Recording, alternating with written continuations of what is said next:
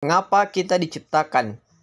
Dari etika agama dan masa pemikiran menuju penyempurnaan manusia. Kegagalan kita memaknai kebahagiaan disebabkan oleh kekeliruan kita menempatkan objek kebahagiaan itu sendiri. Perasaan dan hal-hal aksidental pada manusia tidak bisa dijadikan tolak ukur kebahagiaan karena hasilnya akan selalu subjektif. Jika dilihat secara tampakan serta merujuk kepada sejarah atau riwayat yang sahih, siapa yang lebih menderita ketimbang Nabi Isa alaihissalam, Nabi Yusuf alaihissalam, apalagi Nabi Muhammad sallallahu alaihi wasallam. Tetapi para nabi adalah orang-orang yang paling berbahagia menjemput kematiannya yang dimaknai sebagai syarat bergeraknya mereka kepada entitas yang lebih sempurna yakni Tuhan. Merekalah orang-orang yang merindukan kematian. Keteguhan tujuan para nabi dan wali Allah adalah pelajaran paling berharga bagi umat manusia. Tidak ada yang bisa menghalangi dan menandingi keteduhan hati mereka akan perjumpaan dengan Tuhan. Menarik untuk mencermati pemikiran Bertrand Russell mengenai etika. Baginya, substansi dari etika adalah menghargai kepemilikan atau hak individu. Jika kita ingin merampas hak orang lain, jelas bahwa orang lain juga akan melakukan hal yang sama dengan kita. Kaidah emas ini absah hanya ketika seluruh masyarakat setara dalam kelas sosial. Tetapi bayangkan, jika satu kelompok atau individu memiliki kekuatan lebih besar dari kelompok lain, dengan itu ia merasa karena orang lain takut, maka ia tidak akan mengambil apalagi merampas hak kepemilikan saya. Ini fakta yang terjadi di lapangan, penindasan pemilik modal atau pemerintah kepada masyarakat kecil. Kaum materialis sekalipun memiliki ciri-ciri spiritual setidaknya sedangkal humanisme dan kesetaraan seperti yang Karl Marx cita-citakan. Tetapi puncak dari pencapaian spiritual yang ideal jika kita bicara soal landasan etika ialah menyerap akhlak Tuhan. Konkretnya adalah mempelajari akhlak para nabi. Sebagai personifikasi Tuhan di bumi tentunya. Sebagaimana tugas kenabian selain menjadi perantara makhluk dengan Tuhan juga mewujudkan keadilan di muka bumi. Semua masa pemikiran pasti punya cita-cita luhur. Epistemologi adalah esensi dari setiap masa pemikiran. Jika epistemologinya berbeda, bisa disimpulkan bahwa tujuannya pun pasti berbeda. Kedalaman tujuan satu mazhab pemikiran sangat ditentukan oleh epistemologinya. Di sinilah letak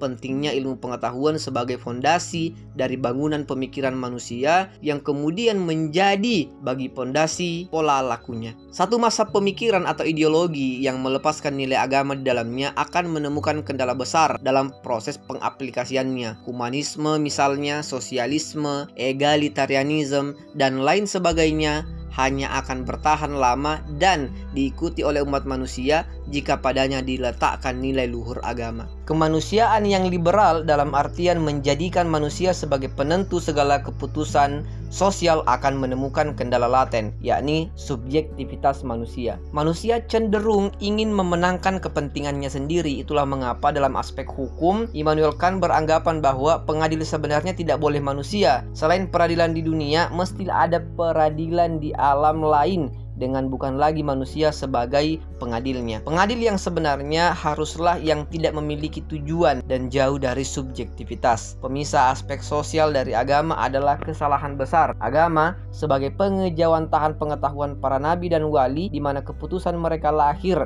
setelah mendapatkan bisikan dari Tuhan dalam hal ini wahyu sebagai sumber segala hukum. Sehingga agama adalah fondasi dasar masyarakat. Di dalamnya diatur apa yang boleh dan tidak boleh dilakukan, serta mana yang salah dan mana yang benar. Menyempurna adalah fitrah bagi setiap manusia. Setiap manusia pasti selalu ingin meningkatkan kualitas dirinya menuju suatu entitas yang lebih mulia. Ini juga tergantung sih sejauh apa kita memahami apa itu kesempurnaan. Jika dalam pandangan kita kesempurnaan hanyalah sebatas kesempurnaan fisikal, semisal menjadi tampan, cantik, molek, dan lain-lain sebagainya, maka sampai di situlah pencapaian tertinggi kita. Jika kesempurnaan dalam pandangan kita adalah ketika kaya raya, berapa kali kita naik haji, berapa uang yang kita sumbangkan ke tempat ibadah, atau seberapa coklat jidat kita karena sholat, maka sampai di situ juga puncak pencapaian kita. Sayyidina Ali karamallah wajhahu berkata, Sungguh aku menyembah Allah Subhanahu wa taala bukan karena takut akan neraka ataupun menginginkan surga, tetapi tidak ada satupun selain ia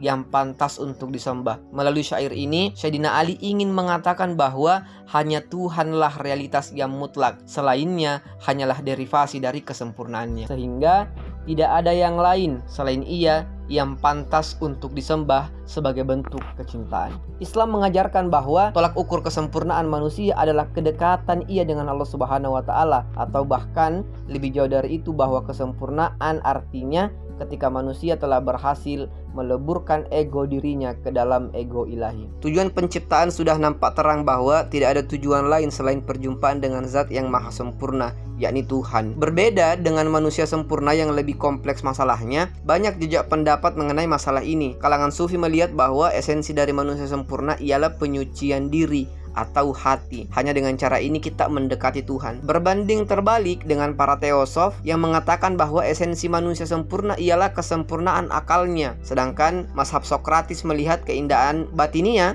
sebagai esensi dari manusia sempurna. Mengenai perdebatan ini, Islam mengambil jalan tengah. Dalam pandangan Islam, semua aspek yang disebutkan sebelumnya penting dalam hal mencapai atau melebur ke dalam Tuhan. Namun lebih dari itu, dalam buku yang berbeda misalnya dengan judul yang lebih spesifik yakni manusia sempurna, Sayyid Bakir Sadar berpendapat bahwa manusia sempurna adalah ia yang mengaktualkan potensi baik dalam dirinya seperti akal, cinta, keberanian, dan kejujuran secara adil dan bijaksana. Dalam buku itu, contoh konkret yang bisa kita rujuk untuk mengenali sosok manusia sempurna ialah Rasulullah Sallallahu Alaihi Wasallam dan Sayyidina Ali karamallahu wajah. Buku ini hanya berjumlah sekitar 126 halaman itu sudah termasuk pengantar penerjemah, daftar pustaka, serta beberapa rekomendasi buku untuk memperkaya gagasan keislaman kita. Wajar saja karena buku ini tidak dimaksudkan untuk dijadikan satu buku. Ini adalah merupakan kumpulan ceramah beliau yang dibukukan. Pun begitu, buku ini sangat penting untuk kita gali. Penulisnya adalah seorang ulama besar yang menjadi salah satu konseptor di balik revolusi Iran. Selain Ayatullah Khamenei dan Ali Syariati, beliau juga seorang penganut Irfani Tulen menjadi menjadikan buku ini sangat recommended untuk teman-teman baca. Selamat membaca. Ada pertanyaan?